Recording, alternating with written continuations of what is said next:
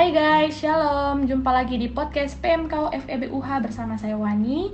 Dan kali ini kita akan melanjutkan part 2 dari topik healthy relationship yang kemarin kita sempat bahas. Jadi, mari langsung kita simak. Nah, karena kalau misalnya anggaplah ini gelas tadi ya. Gelas itu dari satunya setengah, satunya saya tuang lagi sini, mau nggak mau gelas yang satu kosong. Apa yang terjadi? Pasti dia, wah saya kok pacaran sama dia tapi makin dry ya. Saya makin kering ya. Saya masih saya rasa saya lebih bahagia dulu waktu single. Saya punya banyak teman. Sekarang saya harus antar jemput dia. Atau saya sekarang harus balas chat dia sedikit-sedikit marah. Itu tanda orang yang belum utuh nah jadinya gelas yang kosong tadi ini mau tidak mau pasti dia cari gelas lain untuk isi dia. Itulah masuk orang ketiga. Jadi jangan sampai kita mulai pacaran dengan gelas yang setengah kosong jadi how to start a health relationship itu adalah start dengan kita isi gelasnya kita masing-masing sendiri. Kita jangan harap pasangan kita untuk isi gelas kita. Justru love means giving dan kasih itu memberi. Itu makanya kita butuh orang lain. Karena kita harus memberi uh, dan lebih banyak bebannya di pria sebenarnya. Karena pria itu memberi, wanita itu hmm, menerima. Itu simply gampang juga dilihat dari mereka punya uh, ya kebiasaan dan lain sebagainya. Sehingga memang dan perempuan itu mengandung bahkan kan pria memberi uh, zatnya dan wanita itu menyimpan dan dia kandung 9 bulan habis itu dia berikan kembali. Begitu juga dengan pria seharusnya saya baru belajar bahwa di tahun ketiga saya dating apa yang saya kasih ke Mary di tahun pertama itu berbuah di tahun ketiga saya makan buahnya. Nah ini eh, matters terutama juga buat cowok ya. Jadi kalau kita ngomong apa-apa ke wanita itu jangan ngomong sembarangan. Bisa dia simpen dia kandung terus tiba-tiba marah. Kita nggak tahu sebabnya apa. Nah ini yang harus dimulai dari utuh dulu. Nah ini pertanyaannya gimana caranya utuh? Nah seperti yang tadi juga Mary udah jelasin kita harus clearin masalah-masalah yang ke atas, ke sesama, dan ke belakang. Kenapa itu hari saya ambil waktu juga enam bulan? Karena saya lagi clearin hati saya ke sebelum pasangan sebelum maksudnya uh, mantan saya. Saya nggak mau start relationship sementara saya masih uh, baru apa ya baru lepas dari hubungan yang lama dan masih belum 100% uh, utuh di situ. Jadi jangan uh, gegabah masih masih uh, ingat-ingat masa lalu tuh nggak boleh. Kalau mau start a good relationship lupakan yang lalu mulai yang baru. Bahkan yang yang pasang yang baru mulai ini yang lama nggak usah dibahas. So, ah, dulu saya punya mantan begini begini begini begini. Nggak. Jangan komparasi yang dulu harus start yang baru. Terus habis itu bawa Tuhan dalam hubunganmu karena seperti dalam hal yang lain ya eh, kita butuh hikmat dari Tuhan untuk mengerti pasangan saya ini bahasa kasihnya apa sih? Pasangan saya ini sukanya apa sih? Saya sudah coba berbagai cara berbagai metode dari Yahoo Answer dari macam-macam di online dan semuanya itu sebenarnya bahannya biblical. Dan itu yang eh, teman-teman uh, harus cari tahu dari atas selesaikan dari bawah eh dari belakang selesaikan supaya bisa maju ke depan Nah, terima kasih Kak buat jawabannya. Teman-teman sekalian sudah dengar bagaimana perjuangan Kak Richard dan Kak Mary membangun hubungan uh, kurang lebih 8 tahun dengan penuh tantangan ini. Uh, pertanyaan yang ingin saya tanyakan lagi Kak, uh, selama Kak Richard dan Kak Mary membangun hubungan itu, bagaimana kualitas hubungan kalian dengan Tuhan dan bagaimana cara kalian uh, saling membangun hati, saling membangun semangat yang berlandaskan kekristenan. Mungkin dari Kak Richard dulu, nanti Kak Mary tambahkan. Oh iya, uh, landasan kekristenan dalam hubungan kita selama ini ya. nah ini juga penting sih, membaca. Jadi teman-teman jangan jangan hanya baca apa ya materi-materi kuliah, karena dalam segala sesuatunya itu kita harus belajar kan. Termasuk dalam pacaran. Jadi jangan mulai pacaran kalau belum belajar mengenai pacaran itu apa sih? Terus eh, caranya gimana sih? Caranya mem membaca membaca. Bible membaca buku-buku referensi mengenai pacaran tapi saya sarankan yang yang ini ya yang yang uh, buku Kristen. Bukan berarti kayak oh buku yang lain nggak bagus tapi buku yang lain even saya baca buku yang lain tuh yang bagus itu standarnya juga dari Alkitab loh termasuk salah satunya membaca buku tentang how to be an effective person dari how, seven ways how habit pokoknya seven habits, seven how to be an effective people person. Nah itu juga standarnya juga dari Alkitab. Kan. Ada juga satu buku yang saya rekomendasi, judulnya Understanding the Power. Understanding the Power and apa gitu of a man. Ada juga yang of a woman. Itu saya sama Mary beli.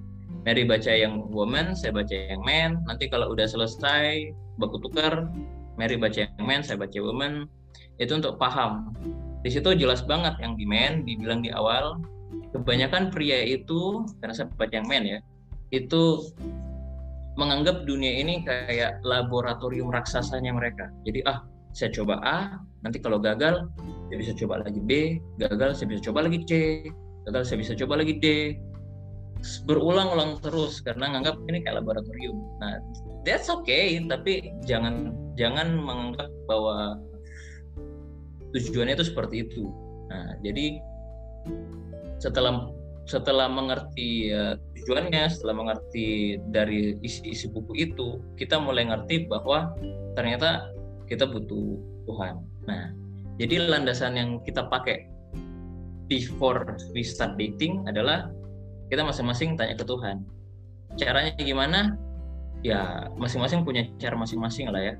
Bagaimana dia connect with God yang pasti doa terus baca firman jangan bolong pergi ibadah terus ikut kegiatan rohani komsel. Dan bertanya ke teman-teman juga bisa pendapatmu mengenai pasanganku kayak gimana ini. Nah kemudian saat sudah mulai dating tetap connect with God tapi mulai kayak tahap pacaran. Tahap pacarannya itu seperti ya start pergi ibadah bareng start pergi acara Christmas bareng. Kalau ada Natal di fakultas lain kita pergi. Dulu fakultas teknik kita pergi. Fakultas ekonomi kita pergi. Kita show off ke teman-teman ini pasanganku. Biar mereka juga tahu uh, saya nggak terlalu rekomend backstreet relationship karena it it sucks.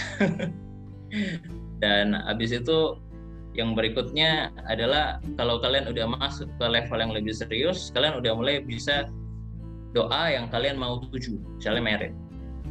Kalian udah kenalkan ke orang tua, mungkin uh, ibadah bareng sekali-sekali. Tapi jangan kelewatan juga ada teman-teman saya yang pacaran kayak sampai mereka cicil rumah bareng, cicil motor bareng, eh endap mereka putus. Akhirnya asetnya mereka jual terus bagi dua, itu kan ribet kan ya. Kalau nggak laku gimana? Nah jadinya eh, jangan terlalu muluk-muluk wah nanti kita nikah terus nanti kita punya gini-gini kita beli ini beli itu jangan dulu eh, fokus dulu apa yang di depan mata. Misalnya mau pacaran ya doain buat pacaran doain bareng-bareng. Mau eh, next step mau ngomong sama orang tua doain buat persiapan ngomong sama orang tua. Menikah udah serius sudah siap udah matang doa buat eh, nikah start eh, konsul dengan gereja. Karena itu penting ya itu nanti ke tahap pernikahan itu bukan hanya bahas soal relationship seperti ini tapi bahas masalah masa kebiasaan kalau tidur itu AC-nya 17 derajat oh saya 28 nah itu gimana tuh? Oh saya itu nggak bisa saya kalau naik motor pakai helm tuh saya nggak cocok. Nah itu gimana tuh? Itu ada yang kayak gitu itu tuh harus dibahas. Nah, sebelum masuk pernikahan itu harus komplit dulu harus selesai dulu baru doakan yang itu. Jadi step by step. Mungkin Kak Mary mau tambahkan? Uh, kalau saya sebenarnya pasti kurang lebih sama. Cuman um, mungkin yang saya mau tambahkan itu bagaimana sebenarnya kita um, membangun satu sama lain ya landasan hubungan kekristenan itu yang pasti yang paling pertama harus mengerti esensinya saya pacaran ini untuk apa sih? Oh, saya pacaran ini karena saya sudah siap dan saya mau mengenal uh, orang ini uh, buat sama-sama kita belajar dan bertumbuh. Berarti setelah itu ya caranya ya belajar dan bertumbuh. Mau tidak mau kita harus belajar. belajar yang tadi melalui baca buku, punya referensi-referensi rohani, sumbernya yang benar, baca yang benar, um, source-nya yang benar, kan?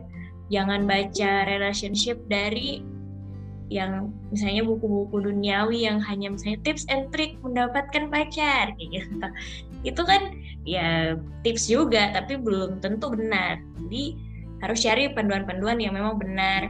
Terus dengar-dengar juga seperti ini ya, dengar-dengar podcast mengenai relationship, dengar-dengar khotbah mengenai relationship kan banyak di iya, YouTube. Dan itu kan sekarang cara-cara yang free dan kita bisa dapatkan dan kita belajar sama-sama. Jadi artinya yang cewek juga dengar dan pelajari hal yang sama, yang cowok juga begitu. Nanti misalnya kalau ketemu mungkin dibahas kira-kira menurut kamu yang seperti ini bagaimana? Terus bagaimana kalau diterapkan di dalam hubungan kita? Nah itu kan kalau sudah seperti itu kan berarti sudah sama-sama membangun sama-sama mau belajar. Kalau sudah mau belajar ya pasti ujung-ujungnya pasti harusnya bertumbuh kan? Karena seperti belajar itu kan sebenarnya seperti kita tanam benih kita dapat terus kita simpan terus habis itu itu kita pakai dan sehari-hari melalui proses itu pasti kelihatan hasilnya. Nah di situ nih yang dibilang kita uh, sama-sama membangun dan bertumbuh landasannya yang benar sesuai dengan kekristenan. Oke kak. Terakhir eh, pesan-pesan apa yang kak Richard dan kak Miri akan sampaikan ke para pendengar setiap podcast kita pada saat ini kak? Berduluan ya. Bebas Sweet. saya dulu ya. ya Oke. Okay. Kalau saya sih sikat aja ya pesannya itu buat teman-teman yang sudah dengar podcast ini.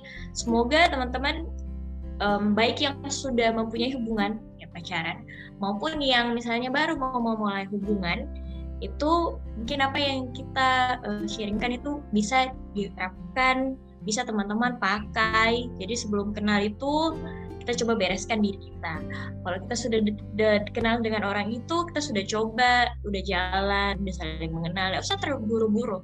Um, hubungan itu kalau buru-buru juga tidak baik, walaupun kan orang bilang uh, nanti dilacik kak.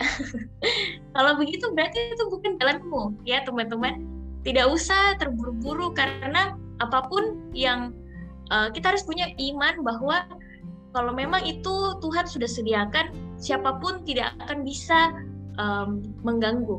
Jadi kalau misalnya uh, dia pergi ya berarti itu bukan jodohmu itu bukan pasangan dari Tuhan dan kau harus tetap punya iman dan harapan jadi jangan terburu-buru don't rush your time untuk saya harus punya pacar saya harus punya pacar. Kalau tidak saya punya pacar saya malu sama temanku atau kalau tidak saya malu nih sama keluargaku. Jangan.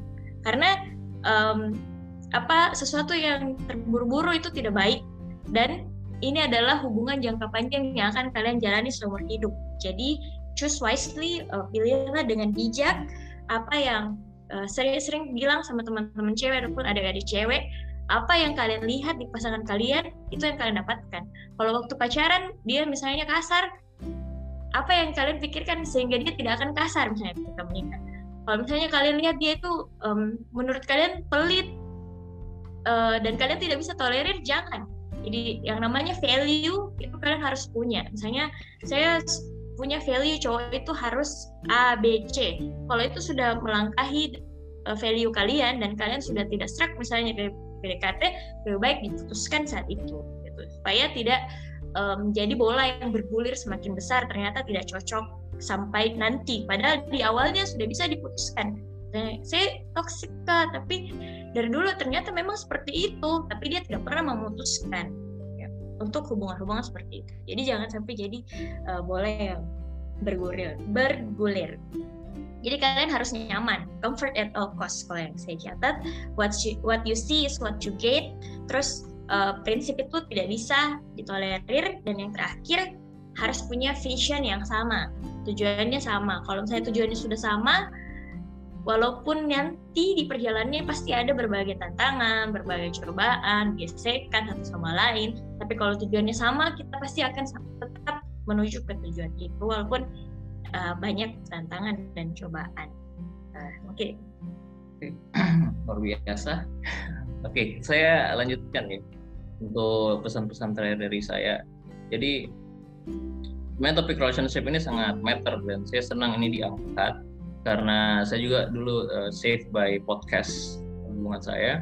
Dan sebenarnya topiknya masih sangat luas. Misalnya kayak relationship beda agama, relationship uh, beda umur, maksudnya jauh umur. Dan ini sangat sangat perlu untuk teman-teman ngerti. Mesti ada banyak hal yang bisa dipahami. Uh, jadi kalau mau cari bahan itu bisa cari yang yang ini ya yang based on Bible. Supaya karena love is God God is love. Jadi kalau kita talk about love talk about God. Jadi kalau saya bilang I love you berarti ya there is God in relationship. Jadi kita tidak bisa lepas hubungan itu dari God the creator of love. Nah saya mau uh, conclude ini dengan satu story. Bukan story sih, satu perumpamaan. Anggap kalau kalian uh, pergi memulai hubungan ini kalian sedang bergerak maju. Either kalian crawling, either kalian walking atau running atau flying atau bahkan just stand still. Tapi kalian bergerak tetap. Nah, kamu cari pasangan apakah misalnya kamu bergeraknya jalan? Apakah kamu cari pasangan yang crawling, merangkak atau yang lari? bahkan lebih cepat daripada pergerakan what I suggest is adalah cari pasangan yang kecepatannya sama dengan lari yang kamu saat ini sedang jalankan. Kamu kecepatanmu 60, cari yang 60, saya atau sekitar 60. Kalau misalnya uh, saya sudah cukup cepat, misalnya 50, 60, 70, tapi kamu dapat pasangan yang mungkin hanya crawling, masih baru belajar. Misalnya kalian baca buku yang sama, misalnya, wah dia juga baca Bible kok kak, tapi mungkin dia baru di daftar isi kalian sudah mungkin di apa eh, keluaran atau kalian sudah di eh, New Testament nah itu harus eh, sebaiknya jangan. Kalian harus cari yang seimbang sepadan. Harus ngerti. Supaya gini loh kalau kalian punya visi kalian menuju tempat yang sama itu nggak ribet. Jadi misalnya kalau saya sama Mary ya kita kita sudah tahu saya sama Mary itu goalnya sama saya mau ke sini. Tinggal kita discuss how-nya. Kalau kalian masih beda visi beda arah atau beda buku panduan itu ribet nanti. Saya mau ke sini enggak menurut kata orang tua saya lebih baik yang ke sini. Loh orang tua saya bilang gini jadinya kan ribet. Jadi eh, kenapa kalian harus ngerti bahwa kecepatan kalian harus sama value kalian harus sama? Dan gimana cara attract-nya orang yang sama itu? Nah ini. Kalian harus punya yang kedua saya mau bagi selain kecepatan itu adalah kalian punya value diri sendiri. Jadi sebelum kalian punya standar value untuk orang lain, value dulu ke diri sendiri. Saya ini siapa? Secara spiritual, secara emosional, secara fisikal. Oh saya itu uh, orangnya kreatif. Saya juga mau cari pasangan yang kreatif. Oh saya itu orangnya generous. Saya suka memberi. Saya juga harus cari pasangan yang memberi supaya saya tidak berhenti memberi. Oh saya fisikalku uh, atlet. Saya suka main bulu tangkis ya ntar sore kan bulu tangkis ya saya suka futsal kalau kalian mencari pasangan yang jabe-jabe atau bahkan naik pesawat aja takut wah tuh nggak tahu tuh kayak gimana nanti modelnya itu makanya spiritual side, emotional side, physical side dari value diri kalian itu akan mencerminkan value pasangan yang kalian cari. Kalau kalian belum tentukan lima saja value dari dirimu sendiri, kamu tidak akan bisa tahu standarnya pasangan kamu cari seperti apa. Harus tahu dulu value-mu apa. Saya itu orangnya apa sih supaya tidak diombang-ambingkan sama pasangan. Nanti misalnya pasanganmu bilang kamu jelek pakai baju biru, padahal menurut kamu wah saya bagus. Berarti kan kamu bisa tentang oh enggak bagus kok. Tapi kalau dibilang oh iya jelek ya, jadinya kamu minder. Oh iya enggak bagus, oh berarti saya jelek orangnya, saya enggak cakep Nah itu makanya penting sebelum memulai any relationship, pacaran, temenan, nikah, itu kalian harus punya value dari spiritual side, emotional side, sama physical side. Kalian harus tentuin dulu ini sebelum masuk ke next stepnya. Itu kurang lebih, there are a lot of things untuk saya bisa share, tapi maybe next time. saya harap kalian dapat sesuatu dari topik kita bahas hari ini. Baik Kak, Uh, demikian bincang-bincang kita kali ini sangat singkat namun sangat-sangat menarik. Dari hubungan Kak Richard dan Kak Mary kita bisa belajar bahwa tidak ada hubungan yang instan. Kita harus saling mengenal, saling mengerti satu sama lain, kita harus saling membutuhkan dan memiliki visi misi yang sama. Dan yang terpenting ialah bisa membangun hubungan dengan Tuhan untuk mampu belajar dan bertumbuh bersama kasih Tuhan. Terima kasih buat Kak Richard dan Kak Mary yang sudah menyempatkan waktu untuk berbagi cerita dengan para pendengar setia podcast PMKO FEBUH. Semoga Tuhan memberkati Kak Richard dan Kak Mary dalam pekerjaan, dalam kehidupannya. Semoga tetap bahagia selalu dan sehat selalu. Terima kasih Kak. Thank you. Terima kasih teman-teman. Ya, sukses finalnya ya. Terima kasih juga telah mendengarkan episode uh, podcast kali ini. Buat para pendengar setia, jangan lupa tetap stay tune uh, menantikan episode-episode selanjutnya dan tetap mendengarkan episode sebelumnya kalau ada yang terlewatkan. Uh, saya Wani pamit undur diri. Terima kasih semuanya. Tuhan Yesus memberkati.